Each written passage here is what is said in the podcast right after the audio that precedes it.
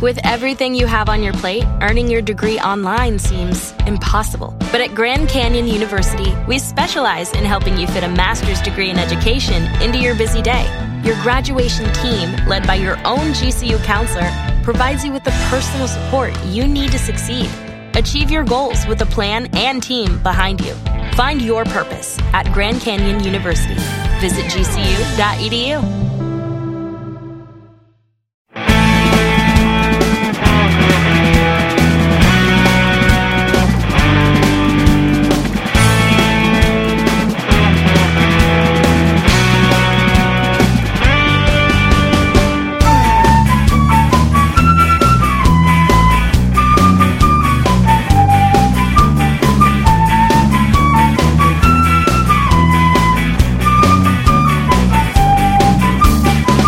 25 anys lluitant per la unitat i per normalitzar l'ús de la nostra llengua, per la cultura i per la societat, música i literatura i el cinema, també els mitjans de comunicació, nostra cultura no veiem representada, fars de mentides i manipulacions, de gent aliena que ens escura la butxaca.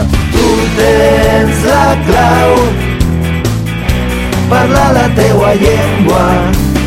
Tu tens la clau, parlem en llibertat.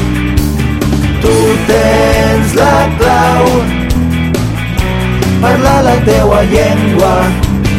Tu tens la clau, parlem en valencià.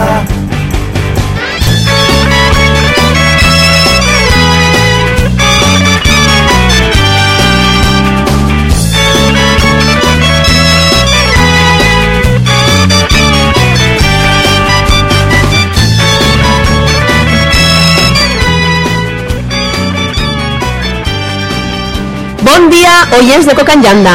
Així estem de nou en el programa número 12 i contem amb la col·laboració de Maria Sales, ¿Qué tal, seguidors? Clàudia Tomàs, Hola.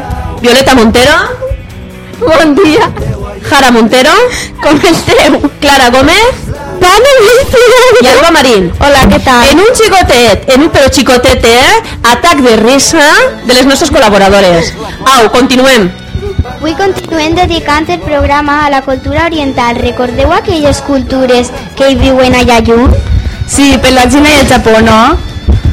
Però hi ha més països, també està Corea, i Laos, i Camboya, i l'Índia. Val, val, ja sabeu. I què contarem avui? Doncs avui parlarem de l'escriptor d'aquella zona, també parlarem d'un altre autor, però de la nostra terra. Així veurem que estem lluny, però també molt de prop. Sí, i contarem un conte popular d'aquella zona també. I sabeu què? Que explicarem a tota la gent que ens està escoltant la, el nostre viatge a la neu. Comencem, xiques?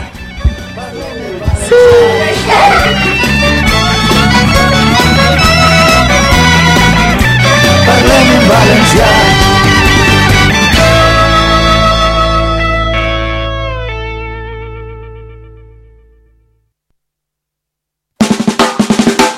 De viure el present, hem de viure el present, Sentir com es plena cada arena d'aire. hem de viure el present, hem de viure el present.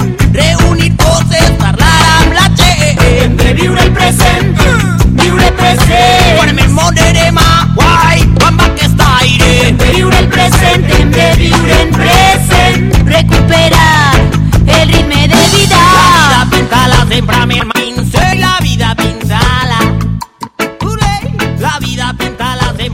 Mirem d'un or que ve directament des de la Xina. Parlem de Gao Xinshan, nascut a la Xina el 1940. Llicenciat en francès, no va ser fins a 1979, quan va aconseguir que les seues obres Que les seves obres començaren a veure la llum del mercat i viatjar a l'estranger. Entre 1980 i 1987 publica relats curts, assajos i obres de teatre en les revistes literàries xineses. En 1982 té molt d'èxit amb Senyal d'alarma, la primera peça de teatre experimental que es munta a Pequín en molt de temps. La seva obra més coneguda és La muntanya de l'ànima, escrita entre el 1982 i el 1989, que relata el pelegrinatge d'un etnòleg en la sep septentrional d'una revolució a la recerca de cultures mi- minoritàries. L'any 2000 va rebre el Premi Nobel de la Literatura, sent el primer escriptor xinès en aconseguir-ho. Per banda, de la mateixa època, però més a prop nostre, tenim una autora molt coneguda, Isabel Clara Simó, que va néixer a Alcoi en 1947. És escriptora i periodista, licenciada en Filosofia i Periodisme i doctora en Filologia Romànica. Com a periodista va ser directora del setmanari Canigó i col·laborar habitualment en diversos mitjans de comunicació. Ha creat en els seus contes i novel·les uns personatges complexos que mantenen relacions conflictives, com la Nati, Raquel, les històries perverses, o t'imagines la vida sense ell? Ha estat a Guardalodona, entre, guardonada, entre altres com el Premi Sant Jordi 1993. Per la salvatge, el 1999 és destini, distingida a la Creu de Sant Jordi per la seva trajectòria. El recull de relats dones 1997 97, ha estat objecte d'una adaptació Cinematogràfica. cinematogràfica l'any 2000. De publicació més recent són llibres com L'home que volava en el trapezi o el recull de contes homes que podeu trobar a la biblioteca. No hi ha res com obrir els ulls al matí, saber que avui em puc quedar dormint, tenir el cos tan cansat i no haver d'anar a treballar, apagar el despertador que avui ha sonat per equivocació, mirar com plou des de la finestra i un bon cafè per començar. És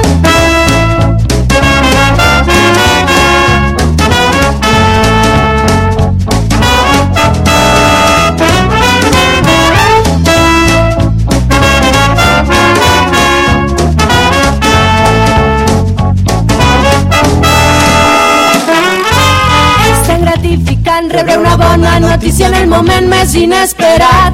Com coincidir amb un vell amic i tenir una bona conversa que compartir. Improvisar un viatge assegut al sofà, inventar una bona festa, tenir la sensació que la millor nit ha sigut aquesta. Riure, pecar, crear, trobar la porta del remessotar. Sentir la teua pell, oblidar-me del temps, aprendre coses noves per casualitat. Riure, pecar, crear, trobar la porta del remessotar. Sentir la teua pell, oblidar-me del temps, aprendre coses noves.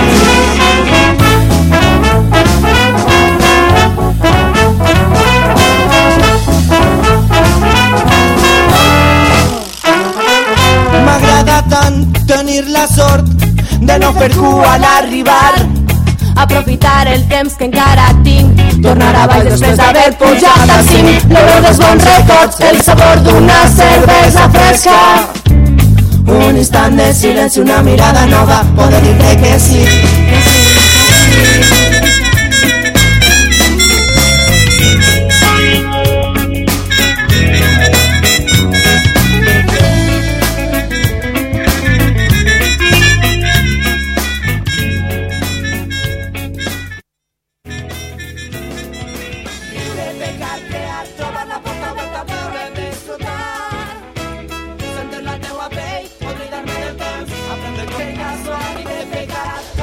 La senyora número 3, conte xinès.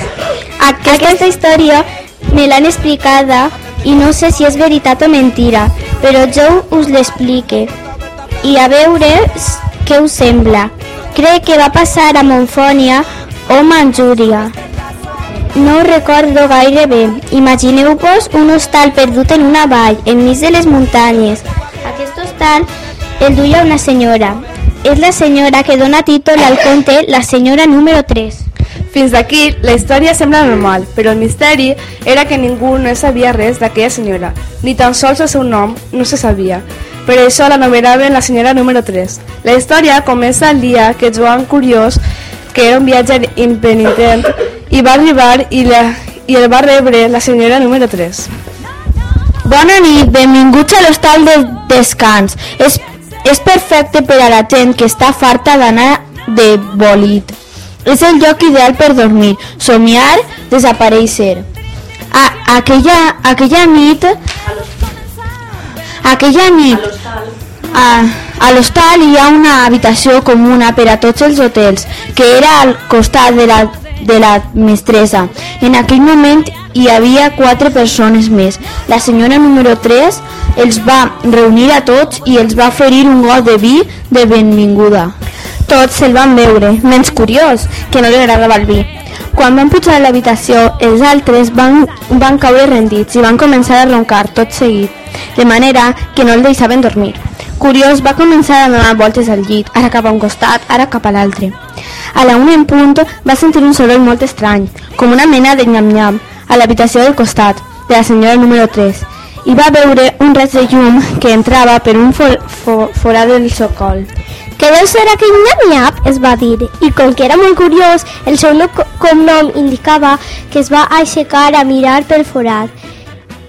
El que va veure encara li remou l'estómac quan ho recordo. La senyora número 3 acabava de traure una capsa de sabates amb tot de coses dins. Va fixar-se més i va veure que eren figuretes de fusta. Hi havia gallines, un home i cisters amb palla dins. La dispissera va veure sis globs d'aigua i després va revisar-se les figures de cop quan va cobrar vida i van començar a degullar-se. Curiós, va quedar mut, parat. No s'atrevia ni a respirar. Li tremolaven les cames. Les gallines van començar a, a pondre ous i l'home anava recollint-los i els donava a la dona. Quan ja n'havia reunit dos, do, dues dotzenes, la senyora va omplir el got i va llançar una mica més d'aigua per, per sobre les figuretes, que van tornar a convertir-se en figuretes de fusta. Llavors, es va posar a fer magdalenes amb els ous. Curiós, se'n va tornar al llit, però estava tan excitat que no va poder ac acular l'ull. L'endemà, la senyora número 3, com si no hi hagués passat res, va aparèixer al- menjador i es va oferir les magdalenes que havia fet la nit abans. Tenia pinta que tots se'n van agafar un... Vaig... que tots van agafar-ne una, excepte curiós, que havia eixit fora una estona. El que no s'esperava ni de bon tros era el que va passar a dintre. I és que mirant per la finestra veure que quan els companys d'habitació feien un mos a la Magdalena es desfeien i es convertien en cotxes. Era una imatge terrorífica. Curiós, al principi no sabia què pensar-ne, què fer, com reaccionar, però ràpidament es va dir, això no pot quedar així, i va elaborar un pla. Va tornar a l'hostal i va dir a la senyora que es quedava una altra nit i que aquella tarda aniria al poble a comprar magdalenes a la pastisseria per emportar-se-les a casa. Aquella nit tampoc no va clucar l'ull. Va estar pendent de l'hora fins a la una en punt i llavors va tornar a passar el mateix. Va tornar a mirar pel forat i va veure que efectivament la senyora 3 repetia el ritual de la capsa de sabates i amb els ous tornava a fer magdalenes amb la nit abans. L'endemà al matí va baixar a esmorzar mo mort de son, però aguantant el tipus ja que tenia un pla ro rodó. Va veure les magdalenes a sobre la taula. En va agafar una i la va canviar per una de les que ell havia comprat al poble. Quan la mestressa va entrar li va dir Bon dia, senyora. Fi tastaré una de les seves magdalenes, però abans n'he de tastar una de les que he dut per a vostè, de la millor pastisseria del poble. I dient això, li va atançar la que havia agafat de la escapa. La primera mossegada es va convertir en un cotxe.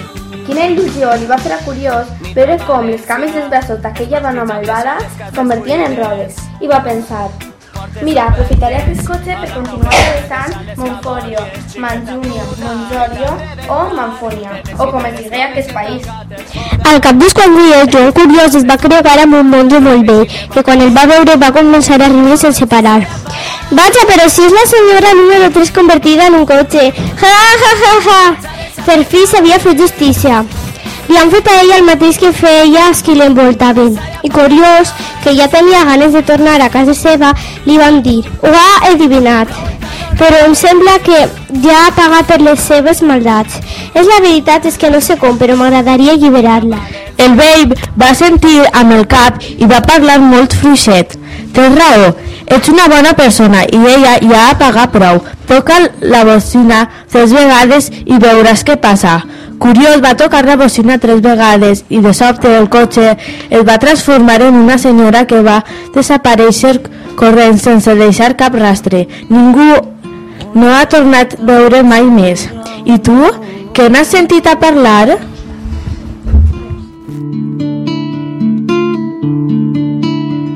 per anar a la muntanya.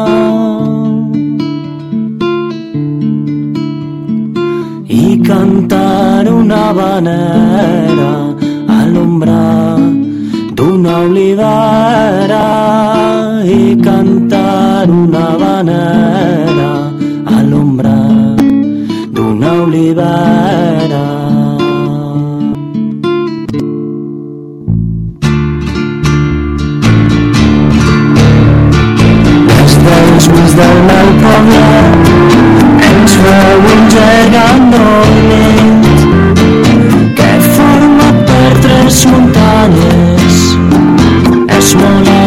Però un poc prim Marinet li fa la testa el tossal li forma el cos els peus del penyagolosa no cregueu que Bé, i ara parlarem un poquet del viatge a la neu que les nostres col·laboradores van fer fa poquet.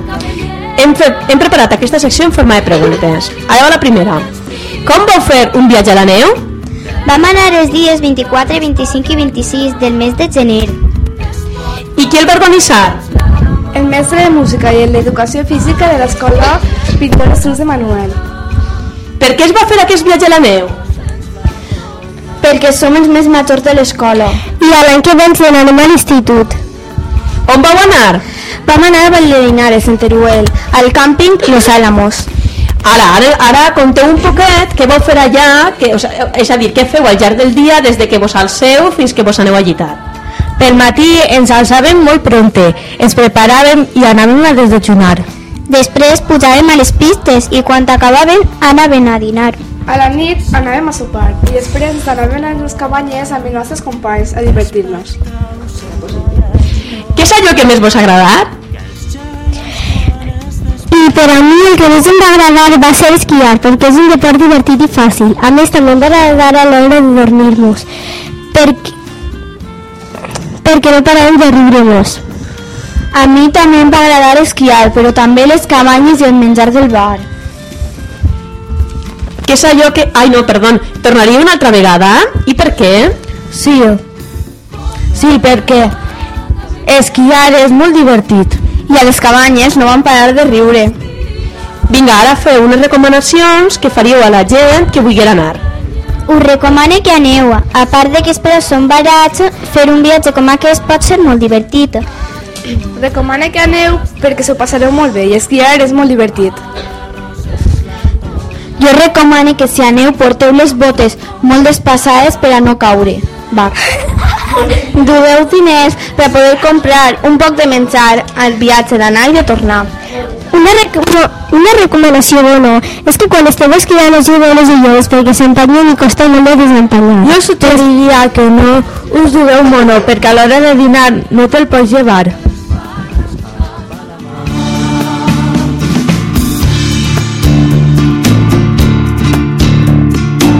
ja sigueu o de fora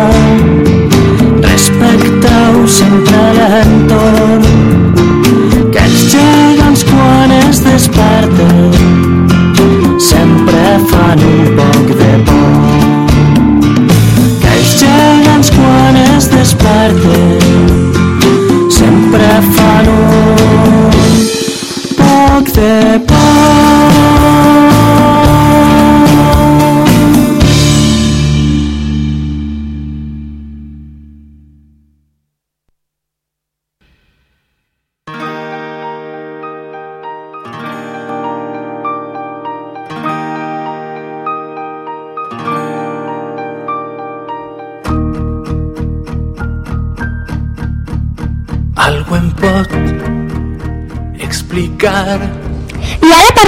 cuina xinesa, però no us do donarem una recepta de cuina, sinó curiositats i costums. Avui dia la gastronomia xinesa es troba a qualsevol part del planeta. Una singularitat és dels gastronòmics xinesos és el respecte i importància que donen a posar als plats. Cada plat es relaciona amb una estació de l'any, amb festes i, a, i alguns llocs, fins i tot amb els dies de la setmana. Els xinesos a, l'hora de mesurar la quantitat de menjar es gui- guien per la varietat de plats servits a la taula. Per això és comú trobar a les cartes dels restaurants una llista amb molts plats diferents. Una taula popular xinesa habitualment es compon almenys dels següents plats, tres o quatre entrants freds servits per separat. La típica tassa d'arròs, quatre plats calents que serveixen per a acompanyar l'arròs. Els caldos i sopes es serveixen va vegades mentre es mengen altres aliments.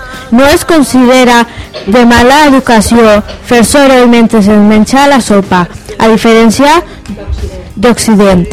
Habitualment la sopa és acompanyada amb fruites. Una curiositat és que les, els postres no es serveixen quan acaba l'àpat, sinó quan sempre està pres, present a la taula i es poden gaudir de, en qualsevol moment. A la taula hi ha d'haver tres gots de diferent mida. El gran serveix per a l'aigua, el mitjà serveix per al vi, per al vi de l'arròs, el xicotet serveix per al licor. Els coberts bàsics són, són la tassa, el, un parell de palillos, tassa per al té verd i una cullera de, de porcelana. Hi ha dos elements que gairebé mai es troben en una taula xinesa. La llet es considera indigna. No, no es veu ni tampoc es fabriquen formatges amb la llet. Per això utilitzen la soja. El vi a la Xina no es produ no produeix vi. Allà s'utilitza el vi d'arròs, que en realitat es fabrica amb un procés semblant al de la cervesa i té una graduació alcohòlica superior al vi occidental.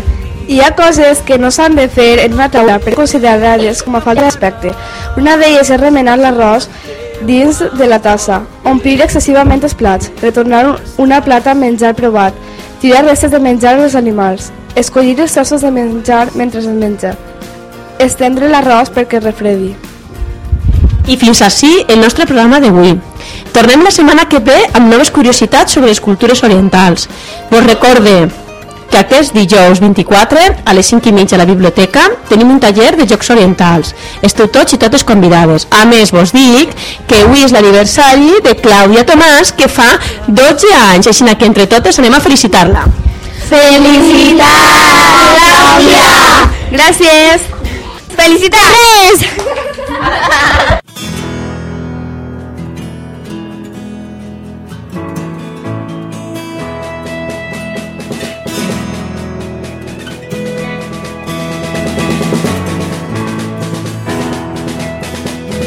Totes pols que s'endulven quan desapareixem. Quan el final és prop deixem darrere un fum de fem. Tu te'n recordes com solíem seure i observar. Vivíem sense preocupar-nos fins que es va complicar. Dimonis pugen des de l'infern pugen i t'emboliquen si no estàs ben despert.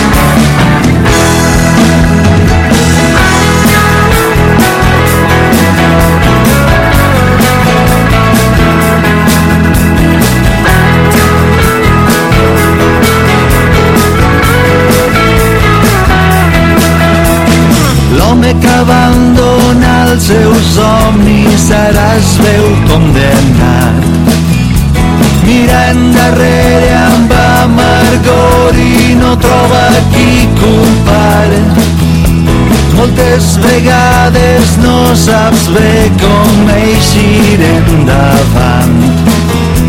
però tindre llàstima d'un mateix és un petit pecat. Dimonis pugen des de l'infern, pugen i t'emboliquen si no estàs ben despert. Dimonis que et compliquen cada invent Són milers i es multipliquen com la gent. Et posaran a prova els condenats. En el moment